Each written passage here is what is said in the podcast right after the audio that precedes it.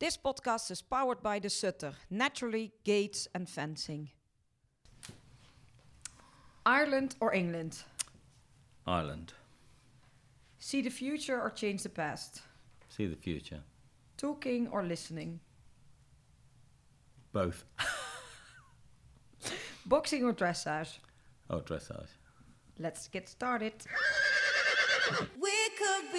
Hello, and thank you for choosing to listen to Horse Heroes on Tour UK edition. This is a podcast where Floor Schoonmakers from EHS Communications talks to equestrian entrepreneurs and superstars in open hearted, frank, and honest one on one conversations. My name is Jack, and I truly hope you enjoy listening to some amazing stories from the world of British and Irish equestrian. Put your feet up, relax, and enjoy.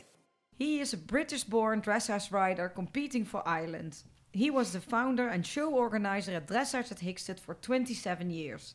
His idol is boxer Muhammad Ali. He loves to fly helicopters and spend time with his family and is always busy. Today, I'm a guest at the well known dressage rider who I'm lucky to have known for many years. Some may say he's the Simon Cowell of dressage, the charming Mr. Dane Rollinson. I pay you the money later. How did I know that Simon Cowell of dressage? God. you can explain that to me later. No, I don't know where that came from. Oh well, uh, I do. hey Dane, really nice uh, for having me over, and um, I've been a guest at the house uh, for this whole week already. And uh, yeah, there's always a price to pay, huh? Oh, oh God, what's what is that now this time? This is the price having you here. I'm suffering. Yeah. Oh, you're Okay, suffering. Yeah, good. No, but it's been really, really, uh, really good fun to be in England and to do uh, these interviews, and it's. Uh, a lot thanks to you and Craig, I have to say. so really, thank you for that. Oh, you're welcome. And a lot of people uh, probably know you, but don't really know your uh, background story. So that's where I'm very interested in um, to, yeah, so that you can tell that to listeners. If we go back, all the way back in time, where did you grow up? Uh, I was born and brought up in uh, a suburb of London called Brixton, which is uh, quite famous in England. Um, my father was a very, very good boxing trainer because he had been a good boxer, and he was also very clever. So he wound up getting a job in the stock exchange. Um, they really struggled, my mum and dad, for a long time, and they had pretty quickly three children. So, uh, and eventually four with Craig, who was the one that surprised everybody later on. Yeah. Always said he was a mistake. Anyway, the um, so yeah, so so basically, uh, because my father boxed, boxing was everywhere. I had to have a go, and uh, because of it, you know, I liked the sport. I like keeping fit. Uh, amateur boxing is a wonderful sport. It's fantastic. I mean, uh, people you know for life, and you get to know everything. And um, yeah, so then we moved as Dad got some more money, and he bought a house in Dulwich, which is not so far away from Brixton. It's uh, just a little more affluent. And um, yeah, then I guess my sister wanted a riding lesson, Debbie, for her birthday. Oh, so it started with the sister. Yeah, and so um, the a friend of Dad's through boxing knew a friend who had a riding school in Dulwich. So I, I'm not quite sure why I went along, whether it was Debbie's idea, I can't remember. Anyway, I went along. Uh, Debbie was just a bit too young. I was nine. Um, so I was a bit tall and that was all right. So I just started riding there with no intention of doing anything other than having fun. Yeah. So, yeah, that's where it started in South London, riding around the roads and, yeah, going to Brixton Market with horses and carts and all sorts of things. But then um, you were in school, of course, as well. yeah. Oh, yeah. Yeah. Just a kid in school. Yeah. Yeah. And uh, b- but then you were nine, and you, by accident uh, started doing this this writing Yeah. lesson. Yeah. And then after that, where did you go to school after? Um, Well, the school, I mean, the first school was in, in Brixton, in Effra Road School in Brixton. yeah. Then we moved to Dulwich. I went to a little place called Dulwich Hamlet School, which was a, a junior school. And from there, I wound up going to a very big. The, the rage at the time was this multi-streamed. They called it comprehensive school, where you you had you know streams from one, two, three, four, five. They threw everybody in the mixing pot. Um, a pretty disastrous experiment, as it turned out in the end. Uh, the school I was in had then 2,000 people, which was unusual. And uh, but it was wonderful facilities, but it was a bad experiment. It was it was just piling everybody in and hoping something would come out of it. And then I moved on to from there. I'd, well, I I was there for a couple of years. Then I went to another school, went to a boarding school, um, and then went on and then yeah, just carry on through the various systems. So But your your dad was um, a boxer, a, a trainer of boxers. yeah, You've always been boxing, yeah, I've been around it all the time. Yeah, yeah. Grew, up, grew up in the clubs. Yeah, and then um, you were riding just for fun. yeah. But when did that get more serious? I started getting. I, I- it's really hard to say when, but um, we had some pretty good friends at the riding school, and then I started spending a lot of time there on the weekends. Uh, well, most of the weekend there, uh, and I'd get there before it opened and start feeding the horses, and oh yeah. then I'd, I'd sort of be one of the last to leave, and it, it was they were really good. I was taught by a, a lady called Pat Corner, who uh, very very bright lady who was the instructress there forever, and then we had a girl called Sue Sansom, and then Angela Crowther, and then my friends there were Greg Powell, who's a very famous um, stunt man, stunt coordinator, done all of the Harry Potter films uh, m- films, you know, Safe House, Hitman's Bodyguard, Hitman's Wife's Bodyguard, and, and, and, and. Um, so the, Greg was uh, about a year and a half, two years older than me. Um, we've been friends ever since. He now owns half of my horse that we bred for the Grand Prix. Yeah. Um, his brother Gary did all the Bond films. He was a coordinator on the three of the newest Bond films. Um, and so it was amazing. This little riding school in the middle of London produced people all over. Uh, Mark Beever was one of the uh, lads there that was with us and one of our friends. Mark has wound up being the groom for Nick Skelton uh, for 33 years with Big Star and was there when, when Nick won the gold. Um, and it goes on. There's so many people came out of this riding school that went in various directions, uh, you know, quite horse related in, in many, but not always. But they went on to do big things. It's, it was just an opportunity, and I think that's what certainly inner city kids need. They need an opportunity to get an ambition, to get enthusiasm, and that's what we got from this place.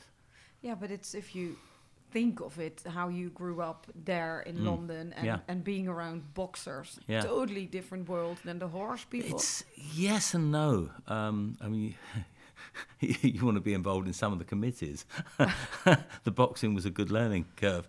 Um, no, I, I think the the the sport is very much the same.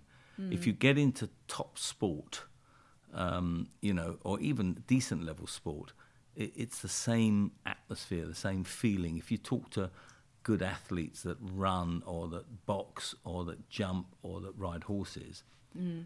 it, there's a, there's more of a, a, a similar thread that runs through all of them than than dissimilarities. You know, it, when you get talking to them, because we don't often enough, except maybe when you get to an Olympics or something where you meet other athletes, but you, it's it's there's a lot of similarity, and uh, I mean being in, in um, the, a really good boxing gym. There used to be one on the Old Kent Road, which was a professional gymnasium called Thomas a Becket.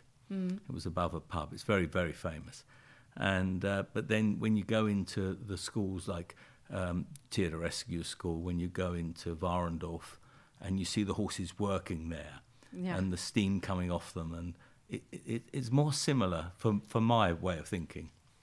So And and your parents, because um, yeah, your dad uh, was the boxing guy, and Yeah. your mom, what was she?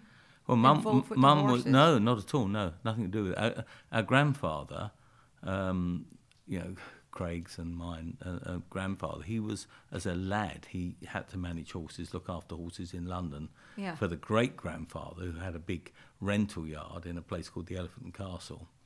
And they used to hire horses out and wagons out for people to go to work, like you'd hire a truck nowadays. So our, our, our granddad, he knew horses from that point of view. Yeah. Could, probably couldn't wait to leave because it was really hard work. Yeah.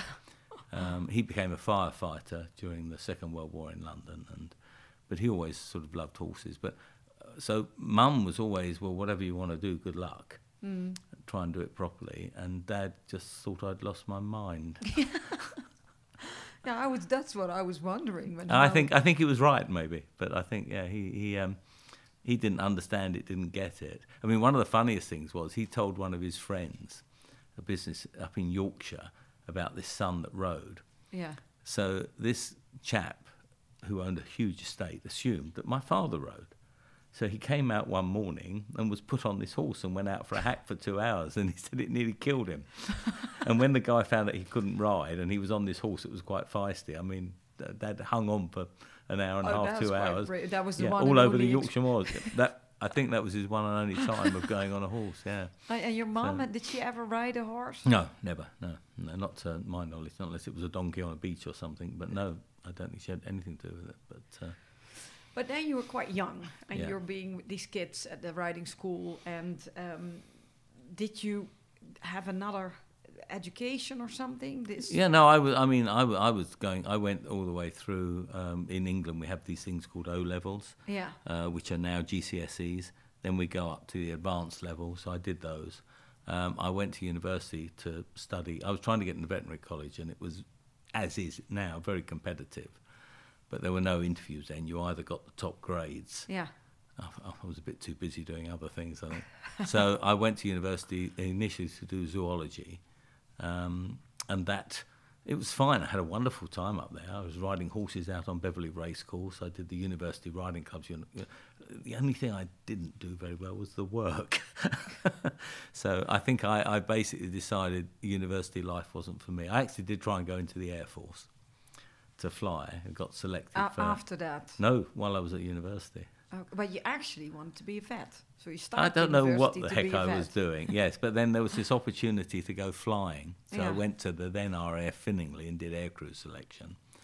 But they wanted to operate on my nose, and having worked with vets a lot and had lots of horses dropping dead on anaesthetic, I didn't wasn't too keen on that idea. so- But what, operating on your nose Uh, because of the boxing. No, that was quite funny because that's what uh, the, That's the, the cool doctor story. thought. Oh. but in actual fact, um, my sister, who's never boxed, has also had the same problem. So, so it's just the, the septum was pushed over, and obviously for breathing, it wasn't a major thing. I eventually had it done many years later, Yeah. but failing that, I, who knows, would have gone into the air force, maybe flying. But uh, But uh, but in the in the mean in the, all this time during school and the, the university, the horses were always there. there was always this line of horses. It's really interesting. I, I, I didn't really want to work. I didn't really want to do what I'm doing now. Um, in many ways, you know, I, I wanted to get onto the scientific side of it. I wanted to get onto the veterinary side of it. Um, I, I just didn't see, you know, uh, that that the actual riding was a way. I did it. I loved it. I was jumping and galloping, and anyway, I left university. I literally just had enough. I was bored to tears. I just got out, and did did the first exams, which I was useless at, and I thought this isn't for me. As it happened, with hindsight, I now know I was in the wrong course. yeah. And and that's the one thing that you always say to people now. Look, you know, if that isn't for you, maybe something else is, because the actual education there was amazing. But it did open up my eyes, and I got to ride at um, university riding club competitions and the university championships. And I met Sue Dyson, who's a very famous vet. During those competitions, I met a guy called Rob Eustace. I met lots of people um, that you know were actually much better riders than me and uh, but we had great fun. We went, and I just thought, you know, I like this. And then I invited a guy called Charles Harris up, who'd studied at the Spanish Riding School, to give a lecture to the University Riding Club. So there's me organising everything again. And that's And, where it um, started. yeah, well, he had the picture of, of the of the Grand Prix horses and of the Spanish riding school and uh, everything. So I, I just suddenly thought, you know, I would really love to learn that side of things. yeah. But then, what happened after that? What happened? I don't, well, what happened? I, I came out of university and I ran a jumping hunting yard uh, with a very good friend of mine, still a very good friend of mine now. His father owned the place. and we had a riot. Tra- That's what you, what you what you decided when you came off university to start your own barn. no, no, it wasn't my own barn. It was working for someone else. They had um, a, a barn that you know it was friends of friends. Yeah. Uh, as it had transpired, my father knew them all, but we didn't know that at the time because I went off this other way and came back to people from the, the boxing world. Um, and so I went, I was just with, with my friend Jimmy Jeffrey, we were riding horses, riding hunters, getting horses uh, fit for, um, you know, some really good guys from London. Yeah. Uh, they were they were not really country people, but they, they became country people, and they wanted to hunt. So uh, they they got into that, and we looked, made sure the horses were fitting well. And then I went for we had a thing called the Pony Club in England that was very big, and it was it was big then. It's not now. It's sort of it's different now. And the instructress at the riding school in Dulwich had put me through the various tests that you do yeah. and the, the top test is called the A test. Well, by now, I was a big hunter jumper and I wasn't going to do these tests. But un, unbeknownst to me, Pat had put me in for this Pony Club A test down in Porlock Vale in Somerset. I didn't want to do it. So I made an excuse and didn't get there. So she said, Don't worry, I put you in for another one at Crabbet Park, which is just up the road from here. Oh, so now I've got to go. So I had by now been all over the shop, hadn't really been on horses as such, um, certainly not being taught anything. And um, they put this course of jumps up, and I had to you have to jump them. Well, I misunderstood, so I jumped this course set up at about 140, the wrong way round, all the way round on this poor horse that was nearly having a heart attack. And um, I just, you know, I just hadn't done the work. I didn't know what they wanted, and I, I did. I didn't fail it by a lot, but I did fail it, which was I passed all the stable management, everything. But the examiner there was a lady called Domini Lawrence, who had ridden at the Munich Olympics on a horse called San Fernando, and she said, "Oh, I think you might be quite good at this dressage." Um, so one way and another, and I went for lessons with her, literally about ten minutes from where we're sitting now. And just don't forget, I lived in London, live where we are now. Yeah. How So- old were you back then? probably about 20. So I quite enjoyed it, what have you. Anyway, she then said to me, I've got a friend of mine in Germany Yeah. that's looking for someone to work in the yard. Do you fancy it? And I didn't. I said, no, not really. I'll stay here. And then I thought about it and I rang her up and said, mm, stupid really, yeah, I would like to do it. And it was a guy I'd never heard of called George Theodorescu. Yeah. So na by now, this guy has got someone, so I'm next in line, so I've got to wait. So I, I spent a year working on the trade stands, going around all the shows in England, Oh. um, setting up trade stands. Hickstead, you know, badminton, Burghley, all the major shows. And then I was at Burghley uh, just the week before Burghley, and Domini rang up and said, "Oh, George needs someone like now." And I said, "Well, I can't leave these guys before Burghley, you know, because it's big set up for them, and I can leave, um, but I can leave the week after. I had to do an HGV test." Yeah. Uh, so I did the test, and then I got on a boat. And nowadays, that's nothing. But the boats we went on then were almost like a glorified rowing boat. I mean, anyone who, of my age would tell you going across was not fun. Even in moderate sea, the boat rolled everywhere. Everyone was being sick as a pig on board. Then I had to get a train. Don't forget, I spoke nothing. I didn't speak any languages. Very smattering schoolboy French. So I'd had to find my way from Dover onto a train to get me to Osnabrück. Yeah. Then another train to get me down to um, Steinhagen in Germany, where George's place was initially. And I went down there with no German, none. and then I went there for three months and was there for pretty well three years. So uh, that's where The dressage. and and I mean, I thought I could ride, and then they put me on a horse, and of course I'm let the stirrups down. I'm bouncing about all over the place. I couldn't sit up straight. So George and um, Inge they basically tortured me. Away came the stirrups. The horse was uh, uh, not tied down, but he had side reins on, and I wasn't supposed to touch the reins. I had to ride around, not touching the reins, just sitting there with no stirrups for six months. And uh, yeah, but you had to touch the reins. You had to cheat, otherwise you're going to crash into walls and people. And you stayed there for three years. yeah, yeah, yeah. Oh, yeah. and what did your uh, what what did a, a working day look like? Oh, it was a long day there? It was a long, long day with George. Um, but then every yard in Germany was then. Yeah. Um, but we used to kick off anywhere between half five and six in the morning. a guy called Pete Tyson was there. He was Ah, the head Pete. guy. You know Pete, Oh, yeah? you were there with Pete. Yeah, yeah, yeah. Pete and, wow. and Rick, Ricard, and um, we, yeah, they were. He was great. He really looked after us, and uh, so we worked our way through there. Then Pete eventually left. Richard left first, and then Pete left, and then I was left there with other people coming in, and um, but it was amazing. I mean, it, you look back and you think the horses you rode, the things you saw, Yeah. you know, you go to shows with George. You, you, it, it- it was, it was a very hard time. Very work-wise was really hard. I mean, when uh, George bought um, the place in in uh, in Meers, uh, uh, uh, Versmold, uh, um, which is Gestüt Lindenhof, Yeah. um, from Dr. Lerver, who was the vet that looked after Halla. And we had Halla there. Halla was there pretty well until she died. And um, that was the most famous jumping horse in Germany. It was a statue of her outside the, the Olympic Committee. Um, but th- we literally would get up in the morning, muck out the stables in Steinhagen. Then we would all drive over to Versmold and build the stables. They had to be renovated. Put the boards in the indoor school. We did all of that.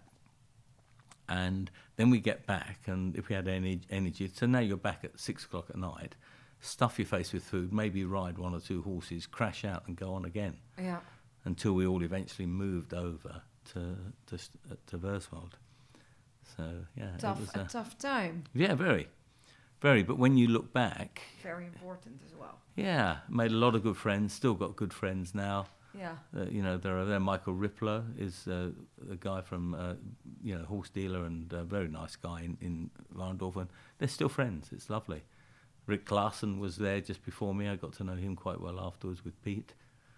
Yeah, made some good long-term friends. And what happened after the Germany adventure? Where did you go? Well, when I it just got to that point where I'd, I'd had enough, and um, it, I should have stayed. It, with hindsight, I could have gone to Schultheis or to Rehbein, but I didn't know that then. no. um, because you know you're in your little bubble and, and you only know what you know.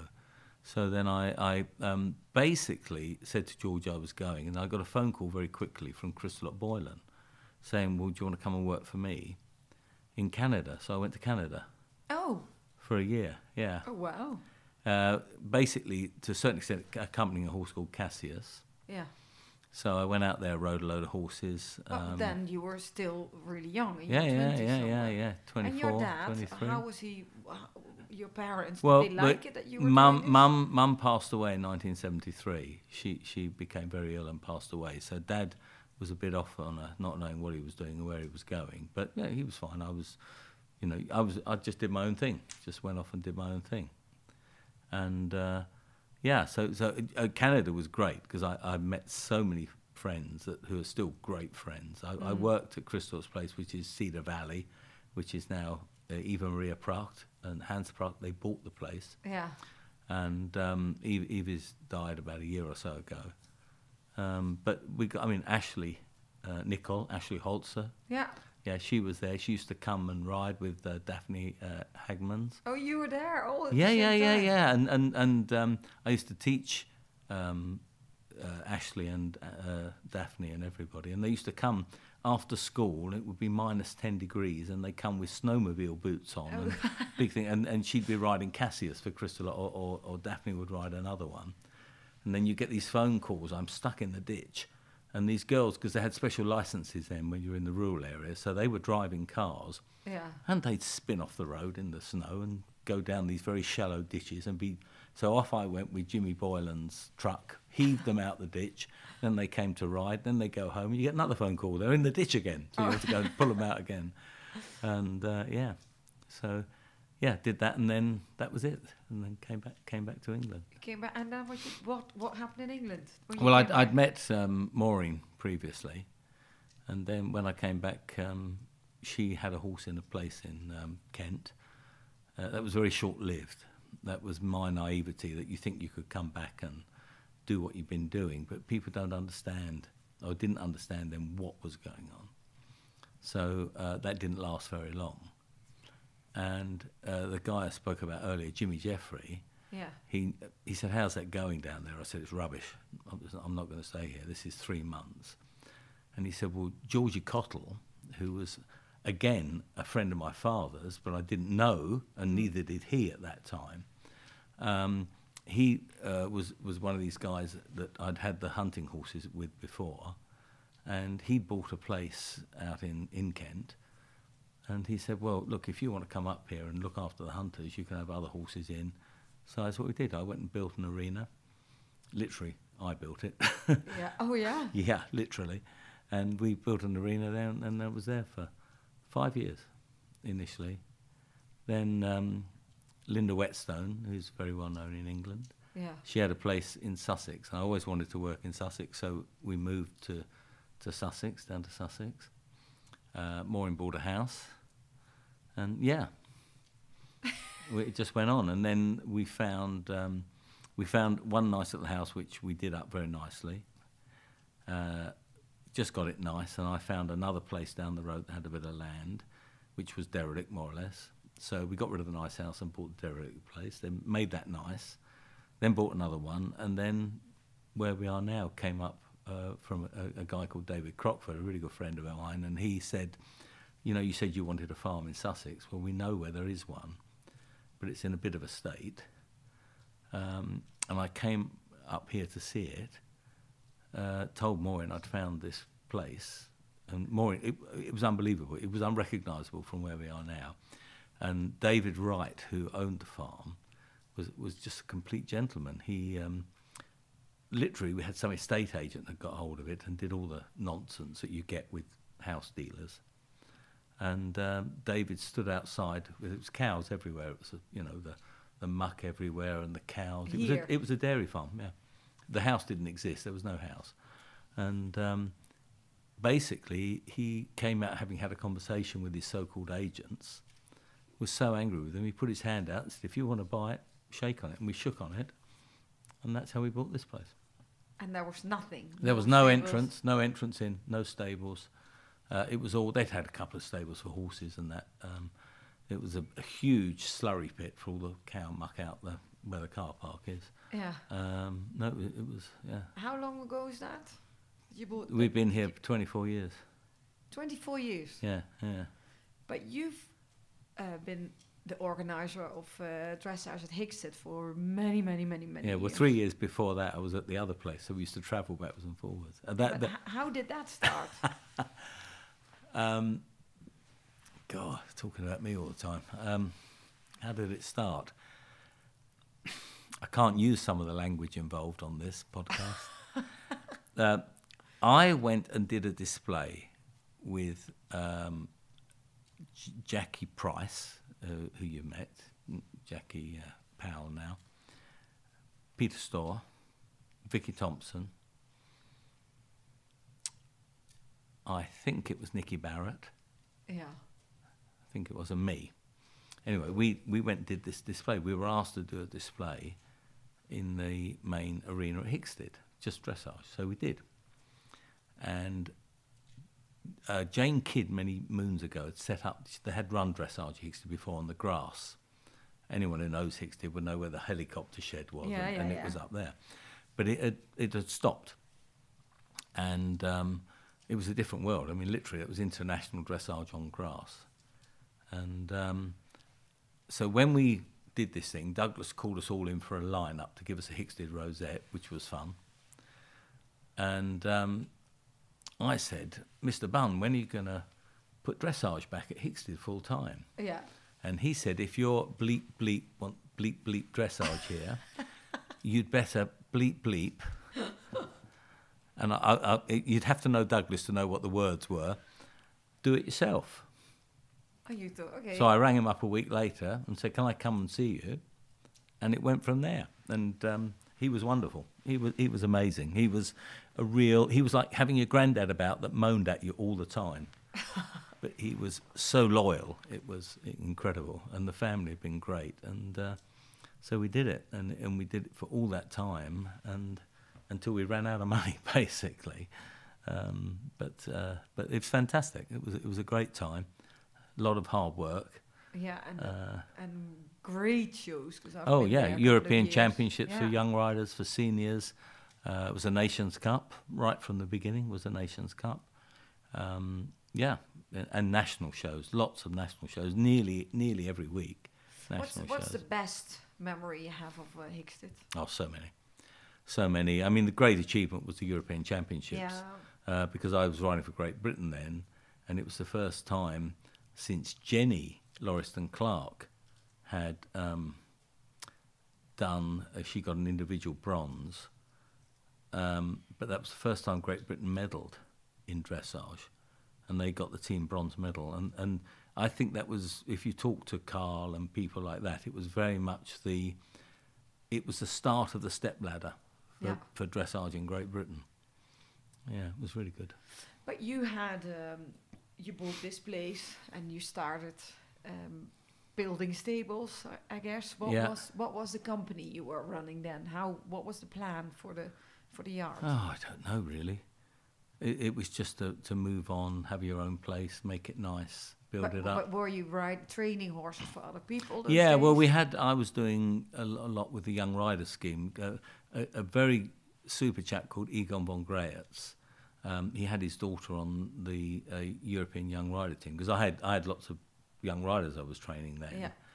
and um, we sort of got them all together and got going, and then we went to Salzburg, I think it was, yeah, Salzburg, and we got there, and there was John Lasseter with his Kerry Allen with his rider, Egon was there with his daughter, I was there with, must have been Jackie, and um, I forget. Oh, uh, was it Laura Fry?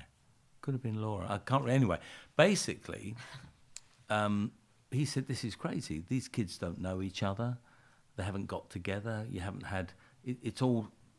He said, "Why don't we look at it?" So it's, uh, sitting at, like you do at these shows, chit chatting, yeah. and this guy's a very clever guy, and he he he said, "Why don't we do something about it?" So when we got back, I rang him, and uh, he was really up for it. So conversations started. So he, great organizer, so he knew how to get it all together.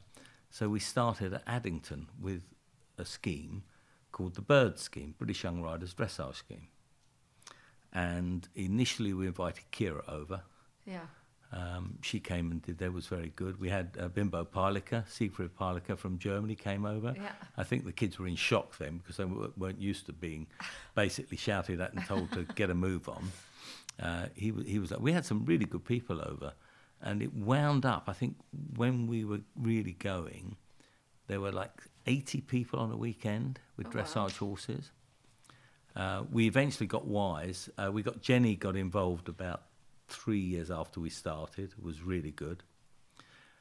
And then Egon kept. He was just great. He managed to get the funding in. He made everything work. And um, we had all these young rider teams. And then we got it so that the you had to, if you wanted to be on a team, uh, out of the, I think it was eight things that we did during, it was all mainly off-season stuff, but you had to do three of them. So then we had all the team riders there, which set up a fantastic dynamic because they were there Yeah. and it was a wonderful event when it was running. And it, it has moved on because um, a lady called Janet Horswell took it up well, a few years afterwards when it had fallen into disrepair. And she revitalised it, and now you've got Claire Moyer that's taken it on. They call it uh, BD Youth now. Oh, so yeah. we've lost the bird's name, but I, anyway, whatever. And um, but yeah, so we were doing that at the same time. So I was, and, and don't forget at the time, right up until 1980, I could only be a professional rider. I couldn't compete. You know, not not at uh, Olympics or Europeans or Worlds. I couldn't even try for it Why not? because it was a professional. I was a professional, Yeah. and that was it. There was no in between. That's and then 1980 in Seoul, the opportunity. I got a horse from Canada that friends of mine found in Holland, and took it over to um, it was lame in theory, but it had a lot of the Grand Prix tricks in. Mm. And uh, Charles and Betty Briggs, and they took it over to Canada. Again, these were people I'd met via George Rescue and in Canada. And they, um, they took this horse over, operated it, had uh, restricted annular ligaments. So they obviously saw that, and they opened them up. And uh, we went up with Optimist, so then I had a chance of going for the Seoul Olympics Yeah. which uh, wasn't to be my curse of my Olympics, but um, but that got me into the Grand Prix game on this side of the water. So yeah, Yeah, but then you've always uh, you started competing for England, yeah, and then you made the switch to Ireland. yeah. It, it's England has a lot to learn um, about camaraderie, about friendship, about teamwork, and um, the more I did with Hickstead, the more aggravation I had from British dressage, and um, it, it just became a struggle. And of course, the more I was trying to fight for the young riders, the more I was trying to fight for Hickstead to get these things because I, we needed it. I mean, you know, the United Kingdom needed it. And the more aggravation I got. So my chances of getting anywhere near a team were, you know, you, that's the, the nature of people is that they, you know, if you, if you, if yeah, you, but maybe also difficult if you are organizing on that level yeah, and have- be a, a top Eh, rider at the Eh, same but time. any not really no but but anyone who organizes knows how hard it is Yeah. and that's why i never have a complaint at a show because i know what they go through and i really i get annoyed if i hear riders moaning about little stupid things at shows because they have no idea what's behind it and um, so anyway this got on and then they they got all this world class money so all these, lots of people, lots of people have done a lot of work to get the thing going. Um, they used to do fundraisers for the Olympics. Uh, David Hunt and Russell Christie's, ha- uh, they ran two enormous balls to fundraise for two Olympics. The Bechtolsheimers Yeah. were amazing. They, they, they, you know, did fundraising dinners and contributed. And then in came the lottery money. And the single biggest mistake that was made was letting the lottery money start to dictate who did it and where. And if you look at the lottery money in the United Kingdom, the last time we asked under Freedom of Information, 85% of the money went on wages for staff. Uh, the show's got nothing. no. Um, hello, the shows are the core. The the riders got pittances. They got what's left over, and anyone looking at it would say it's a nice industry if you want to be in that end of the business. Yeah. So I just got to the point, and then uh, really good friend um, Katie Price, who you've met, Yes. um, she was riding for Ireland. She, she said, "You've got to ride for Ireland. You've got to ride for Ireland." And after being a bit slow off the mark, I eventually said, "You know, that's the best thing to do because then nobody can touch me. I can deal with the riding independently." And that's what I did. And it's the best thing I did. It was great, fantastic, and I love every second of it. So, Yeah, for how Yeah. many years have you been there? 15 years now. 15. Mm. And then uh, there was the whole Tokyo thing. Oh God, What happened? a nightmare. Nightmare, absolutely. They had a really good potential team that qu- well they qualified at the, the Europeans Yes. um, with uh, Kate Dwyer, Heike Holstein, and Judy Reynolds. Judy being the superstar. I mean, Judy did with JP did the most amazing job, and you know they they were. I was quite rightly. I think I was a reserve to go, uh, quite rightly, and um, but they went in and it, they did an amazing job, and, and they qualified, eas- well not easily but clearly they qualified. Yeah. Um, so uh, they employed a trainer, Johann Hinnemann, who basically was Judy's trainer. Oh, and uh, Pizzi, um, Anna Merveldt was the fourth one. Uh, all quite deservedly right in the team, all did a great job. And then, so yeah, now you're working. I've got a new young horse that we bred, and we brought him along, and uh, it was all going great. And then it just fell apart just fell apart. Um, the the trainer decided he didn't like the COVID situation, so he went to California.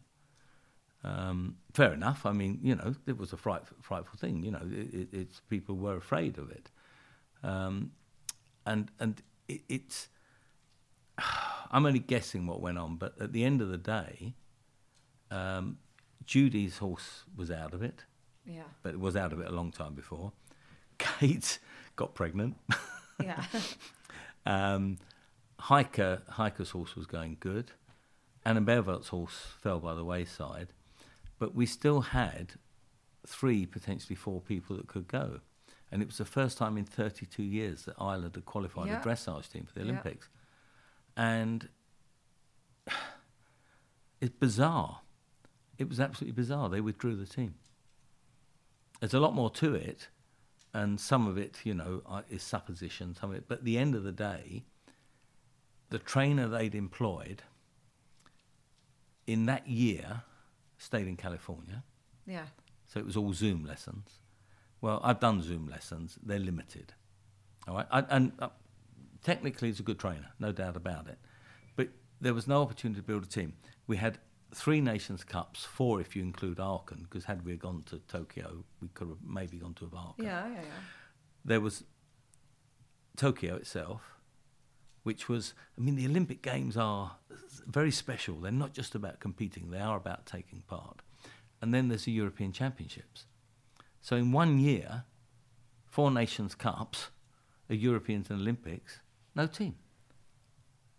It just, it was, it was bizarre. But how is it possible that that was one person well, deciding two this? people. I mean, Or it was it was uh, Joe Reynolds became CEO. Uh, he had great faith in Yo Hinnemann. Yo Hinnemann obviously thought none of us were good enough. He set the bar at a percentage which was a little optimistic for the up and coming horses. Mm. And then COVID came in, so even though we'd got to moved up a bit, we couldn't get through that glass ceiling that existed. We hadn't got good enough. So we were all in a hiatus. So by the time we got out riding again, we were sort of starting like snakes and ladders. We'd gone back down the snake again. Yeah. And so now we were climbing up. And yeah, they decided, and, and I, I would argue that it was a very wrong decision, but they would argue otherwise, that um, I, I've always said we it had it with the young riders in the United Kingdom once, and the selectors decided not to select a team. My argument is if you're a selector, your job is to select, Select, a team. yes. And as, as a rider, and, and I think most riders, well, all the riders I've spoken to, just couldn't believe it. The only people who loved me the most were the Belgians because they got to go instead of the Irish. Yeah. so they did buy me champagne in Rotterdam. oh, yeah. But, you know, it, big disappointment, of course. the, yeah, and, and I mean, I can, you can justify it how you like, but for my money and for most of the people in Ireland, we had a team, we could have sent a team. yeah. we could have taken part, and and and that would have been the little step on the ladder to to move it on. And you know, I I I just think, you know, people would disagree with me, but I think most people agree that when that opportunity comes along, you you grab it and shake it. Is that where the Simon Cowell uh, I don't know where that comes came. I don't from? know where that came from. I don't know who got hold of that. I don't know. I don't know. I don't know. No, maybe it's just because he's awkward, and I think I No, am because he always has an he has an opinion. Yeah, yeah. Well, you have to have an opinion. I think that's right. But I think um, I, you can get shot down for opinions. There, there are people in the world that don't want the opinion. They want their idea to go forward. And, Yeah. and if you stand up and go, "Hang on a minute, I don't like that," um, yeah, they can bite you. And and you know that's that's what happened. And and I think this was a particularly silly thing to do for the sport in Ireland because the Irish are hugely enthusiastic for the horses. Yes, and yeah, I know. I've, I've also with Yeah. the jumping and everything. Yeah. And what about Paris? Yeah, what about Paris? Is there a chance that that will happen with the team again? We've got to qualify Yeah, all over again. but are you motivated I'm- to go for that? I'm very motivated to ride my horse and to make it better. I'm really fortunate because I have Kira, yeah, 15 minutes down the road. Um, it fits my way of thinking, very much so. Um, yeah, and it, it's really important to keep developing yourself professionally. I mean, they've got little acronyms, haven't they? Continual professional development and what have you. But at the end of the day, you set yourself up as a trainer. It's very easy to take all your bad habits with you and push them on. Whereas if somebody is making you better and pushing you to be better, then th- that's how you can take it onto other people and make them better. And I say I've been training with Kira now for uh, a couple of years, Yeah. and it has only got better. And she, you know, someone like her is absolutely straight. She says, "That's right and that's wrong. This is good enough." And you're thinking, "Well, it feels all right to me." No, it's not good enough. You need, and that really is where you have to be. And you need people not just who are technically good, but they are thoroughly on side. They are there to make you better, not for some ego trip, not for some. And and Herbert Rehbein, who was a very famous trainer in Germany, who became a friend, and Herbert, said, I always said, I said to him, "Why aren't you team trainer for Germany?" He said, "No, never, never." He said, "It's political. There's only one person likes you. You wind up falling out with everyone." He said, "What you need," he said, "I would happily train every person on the team, Yeah. but don't make me Bundestrainer. Don't do it. He- You need, and and I think Germany's got it right. They have Monica, don't they, as the main, uh, Yeah. and and and um, you know they have some really good people around.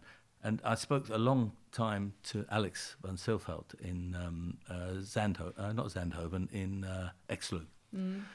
And we had a chance to have a coffee and talk and that. And and he's to me he's a super guy. I mean he is a fabulous trainer. He's a nice guy. He gets on. He knows what it should look like. He and I, I said to him, you know, a couple of things talking about it, and he said, "Ah, really, if you're team trainer, you have to be there for the riders Yeah. but you also have to be there for the riders' trainers. If the rider wants to bring a trainer that they've trained with and got to that level, you have to take them as a combination. Your Yeah. job is to take the step back, have dialogue, but you're not there to stand in front of what's worked that's got them there. And the other interesting thing that Alex said, uh, I said to him, Alex, do you still compete at all? Do you do? He said, I do try and take younger horses out to the Grand Prix. So I still do do it. Not not a lot because obviously I'm busy with this. He said it keeps me very humble, Yeah. and Well, that's the truth. The minute you're trying to do it, Yeah. and, and I think then I still train an awful lot of people um, in in lots of disciplines in in equestrianism, but I find that that makes me firstly I know I remember how difficult it is because I only did it last week, Yeah. you know, not ten years ago. Yeah. well, True. And um, I think that, that when it's ingrained in you how hard it is, you always have that empathy for a rider to do it better. But you understand it's not quite that simple. And then also you have to have really good people behind you. But it's the hierarchy which is correct. You need that level of help upon help upon help upon help. yeah. And, and that's why I think I'm so against uh, anyone that says, don't go, stop, don't do this. I mean, that's to me, that's why bother getting out of bed Yeah. if you're not going to try and, whatever it takes, take the best you've got forwards. And, and, and it, when I rule the world, um, it's going to be if you were get, taking a job as a selector, Yeah. your first job is you must, it, under all circumstances where it's possible, select a team. Yes. Of course. That would be line one. And stop being afraid of your own ego that if you're not, you know, your team's not going to do well. Get in there. Look, everyone laughed at the Spanish, laughed at them. I remember it very clearly. Look what the Spanish did. They Yeah. suddenly became one of the most popular teams Yeah. out there. Everyone wants the Spanish there because they enjoyed the sport. Yeah. They rode true. nicely. They modernised to catch up. Yeah. And, and that's where we have, yeah. So, Okay, we go to some music because uh, always everybody has something with music or a favorite song which brings back memory. uh-uh. And um, you gave me a song, two actually, yeah. and then you can decide which one. The Labi Siffre one. what is with that song? Well, it, it's all about the struggle in South Africa, isn't it? It's about struggle, and it's about whatever anyone puts in your way, mm. you have to keep going. I mean, you get bound. There are times when you sit down and think, "To heck with this! I'm not going to do this anymore." But it's getting up again and saying, "Well, actually, yeah, I am." Yeah, You know, it, it's because any sport, you're going to have bit more setbacks than you're going to have success. It doesn't matter if you talk to Anky, you talk to Chef. They've had great success. They've had lots of setbacks Yeah. because nobody sees that because their success overshadows it. I guarantee that if you talk to any top rider, they will tell you about the hope they had for a horse that failed, you know, or, or a partnership that they were training that didn't work out. Hmm. But then you fight your way through, and if everybody collectively is pushing forwards, then then I and I think that song. There's lots. I love a lot of music, so I go. I love classical to pop to all sorts of rubbish. um, but I, I just uh, I even like ABBA. but you know, it, literally, I like a lot of music. But I think that one song is the one that keeps creeping. Every time I heard it play, I think, yeah, Oh yeah. that's that- sort of, yeah. The higher you build your barriers. Yeah. Yeah, yeah, yeah. It's a good song. Okay, we're going to listen to it now. Something inside so strong. Oh,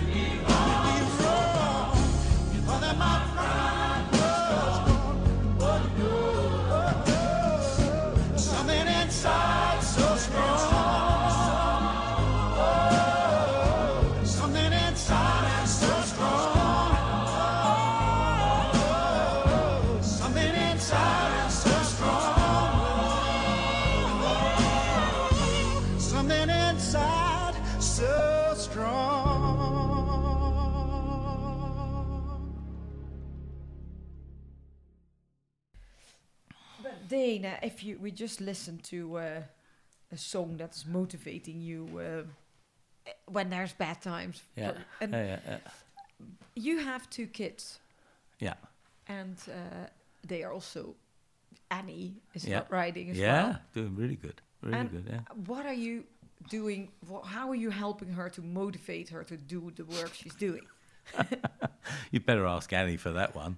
I mean, she's riding another horse that uh, we bred here, Yeah, and um, two It- pretty boys. it's a super horse. It's a half brother to, to Yeah. the one that I've got, Yeah, um, and I think he's about. To, I think next year, if she sticks at it, then she'll do a really good Grand Prix, and hopefully she'll overtake me and leave me, leave me for dust because I think you know she's younger. Um, it's a super horse. I think I think that's the way it should be, and I, I think. Uh, and the nice thing is she actually doesn't listen to me very much, but she does listen to Kira, so that's quite good. is she So- like you in character? Oh, you have to ask somebody else. I think she's an awkward madam. so she's probably exactly like me in character. No, she's she's great. She's great. She's doing a great But you job. are a lo- working together a lot, quite in, in the yard. You're. Yeah, yeah. Is it fun to do it together? yeah. Sometimes it's lovely. Oh, but sometimes not. Sometimes not. It's family. It's a daughter. You're somebody's daughter, and you're a pain. Oh yeah, I'm not working with horses together. oh yeah, yeah, yeah. We've seen you. We've seen you in action. Thank you. But Dane, we're And- going to um, And Daniel, the other one, don't forget him. No, no, The because monster, Daniel. yeah. And he, what is he doing with the horse? With horses still? Well, he, he rides really well, um, Yeah. but he's a stuntman. yeah, which is fun because that's where you started in the yeah, beginning with no. uh, telling me you work Yeah. with stunt people. Yeah, but he's in the movies uh, big time, and he's um, on the stunt register in England, and he's been involved in major feature films. Uh, I mean, all of the um, the new Harry Potter ones, Fantastic Beasts. Um, I saw him flying through his air, the air legs first in, in one of the Fantastic Beasts. He flies off a coach, and he's been on all sorts of films and what have you, climbing up masts in The Mercy for. Um, oh, Colin, what's his name? I'm terrible at names.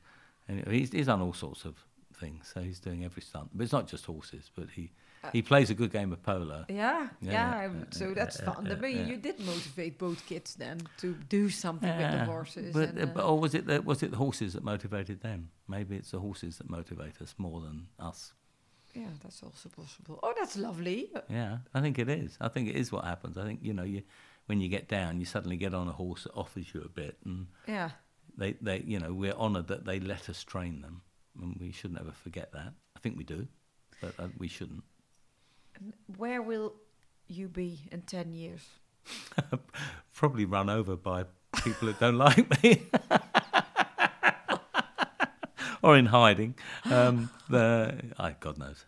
God knows. Hope I'm still on the planet. I hope I'm still sitting on horses and riding them. Being granddad. And that'll do me. And um, I hope that, um, you know, the kids are doing great and that everyone moves on. It's, uh, yeah, you can never say. We're going to the last uh, part of the podcast. It's the question jar. And uh, this podcast is powered by the Sutter uh, naturally, and they make beautiful gates and fences for uh, for horse. I know them. I know you them know well. them. You know yeah, them. yeah, yeah. So you can grab the jar Oh. And uh-uh. pick some questions. Did my brother pick these questions? Because if he did, I'm he in trouble. did it already. No, he didn't pick the questions. All right. Okay. Oh, look, you've won 10 million on the lottery. what will you do with If it? If you're allowed to watch only one show, which one would it be?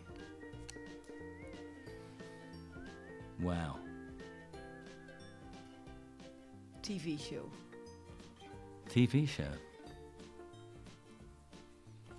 I don't know. I do watch television quite a bit, but I don't really remember what I watch half the time. It's a bit of an anaesthetic. So uh, it's. Um, no, the Lord of the Dance. If there was a Lord of the Dance TV, something like that, I'd, I'd enjoy watching You that. would watch it. Okay, next question. You have too big. Your hands are too big for the pot, for the Yeah, jar. yeah, definitely. These are- These aren't hands; these are plates. Boxing hands. Oh no, hanging onto horses' hands. Come on, Dane. Oh right, okay. Patience, patience. Do you have any favourite stories from your work life? Ooh, okay, but now we can start all over again. yeah. Then we start all over again. Uh, I, there are too many. I, I just we'd have to be in conversation for them to come up, but there, there have been have been quite a few. But But if you think of one, I can't really. There's just been too many. Really, been too many. Because you, you just bump into the most amazing people, yeah, and um, it, it's as I think I think not story in, in terms of, of an anecdote, but in terms of it's how we ran the Europeans was the biggest one. The things I learned with the good people, the bad people, 99.9% good people. Um, and I think I think one of the little the little story, um, the Swedish chef d'equipe came over for it, and we'd had this little pep talk with all of the, the helpers and the, the, the volunteers. And um, I'd said to them, you know, really, if you just treat this like this is your show, and if there's a problem, it's your responsibility yeah. to fix it. You know, come and find us by all means. But anyway, this um, uh, guy was over the other side of the jump. He'd gone the wrong place. Hicks is a big area, as you know. And um, all of a sudden, we see this guy walking along with this little girl holding his hand, who brought him into the office to say, uh, This gentleman is a chef d'equipe for the Swedish team, and he was lost. And Dane said that we should take the responsibility and bring him over. And I, and I was out the back when this was done, so I heard it, so I didn't say anything. So there, I mean, but there's a million stories like that. I mean, millions and millions and millions. And I'm sure there's many more embarrassing ones as well. But Oh, yeah, I, I'll- I'll I was looking forward to that. Really. Okay, Yeah, another yeah, question. yeah, yeah. I'm going to cheat and tip them all out. Pick the ones I like. Yeah, you could do that. Mm.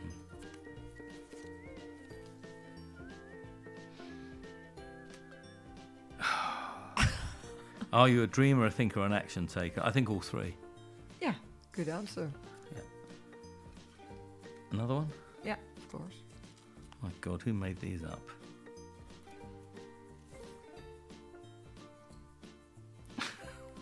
what are the most important lessons you've learned in life? Still learning don't, don't, don't do dressage. Don't do dress up and don't talk to Floor Schoenmacher on, on a podcast, whatever you do. I've got to listen to the one you did with Chef because I'm sure he put you in your place. Oh my god, he started in the intro already. that was fun, actually. Yeah, but he, he just found out your faults quickly, I guess. Okay. Do you believe in coincidence? Yeah. I do believe in coincidence. Things things just happen sometimes, and sometimes you flick a coin, it falls heads up, it falls tails up, Yeah. and it's normally a coincidence. But people always try to read into them that it's um, some greater purpose behind. I think You don't believe in that? No, it's just luck. Who made you laugh the hardest? You, when I found out you got married and had kids. I'm not married. Well, when you had the kids, I think that was that. That was punishment enough. That's what you deserved. That's really mean. Wow, oh, so you're saying kids are punishment? Um, no, in your case, In you, case. definitely, yeah. That, now, now, now, that's not a coincidence. That's actually the good Lord punishing you for all your bar, your past misdeeds. Does money buy you happiness? No, but it helps. Again, how many more are we going to do of these? You can whatever. We do two more. Okay. You, your short answers. If you were a superhero, which one would you be? Yeah, come on now. Who would you be? Um, and why? I think you'd be a human being. I think you'd be someone like Steve Jobs or any of those guys that have made things happen. Elon Musk. Uh, Yeah. You know, all I'd be. I think they're superheroes. They they've made things happen uh, beyond the world, and I think people like that. That'll be one of them. I You'd be I- one of them. yeah, yeah. I, I, and beside, I'd look silly in a Batman costume. Superman. Are you superstitious? No. Okay, l- what was it? Are you superstitious? No. Okay, the last one. One more. And that's that that that's the last one. Do you like podcasts? No. That was not the question. Do you remember the best date you ever went on? I can't admit to any of that. You're really trying to get me in trouble. I will do one more. Uh, which unanswered question would you like an answer? Why didn't we go to the Olympics? oh yeah, good one. Well, Dane, thank you very much for um, for being uh, a guest in the podcast and um, telling your story. And of course, we're over an hour already, which everybody told me would happen if I would speak to you. Ah, if touche. people if people want to learn more about uh, you and what you're doing and the company, where can they follow you? Don't bother. It's not worth it. Oh, come on, where can they follow it? Where can they see what I'm you're just out there. I don't really do a website. I just do stuff. Social media. A, a little bit. I tend to listen to social media and repeat. I don't really put private stuff on So there. they so can't they can't follow anything. they wouldn't really you. find. No, I keep secrets. You can, yeah. so, okay, don't follow Dane. Well, Dane, thank you very much for. Uh, for for being uh, uh, the guest of Yeah, today, and I've thank got you. a little uh, little present oh. for you. See, I've got. A, I won't fit in that tailcoat next week. With the chocolates, they're the- Yeah. from the best chocolate. I know. I Company in that. Weert, Thank you you, know very them much. probably. Yeah. Okay, Yeah, well, that Lovely. was it. That was the, the the another episode which I recorded in England this month. And um, thank you very much for listening, and thank you very much for being uh, for being here, or that I was in your house. Very Christmassy we are today. Is there one more last one more last thing you would like to say to to the people who are listening? Don't give up. Everybody tells you you can't do it. Do it anyway. Do it anyway. Thank you, Dane, and till next week. We could be heroes.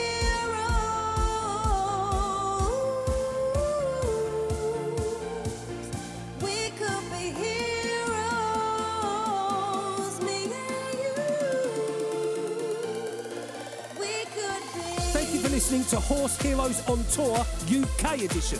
My name is Jack, and I really, really hope you enjoy listening to some amazing stories from the world of British and Irish equestrian. Take care.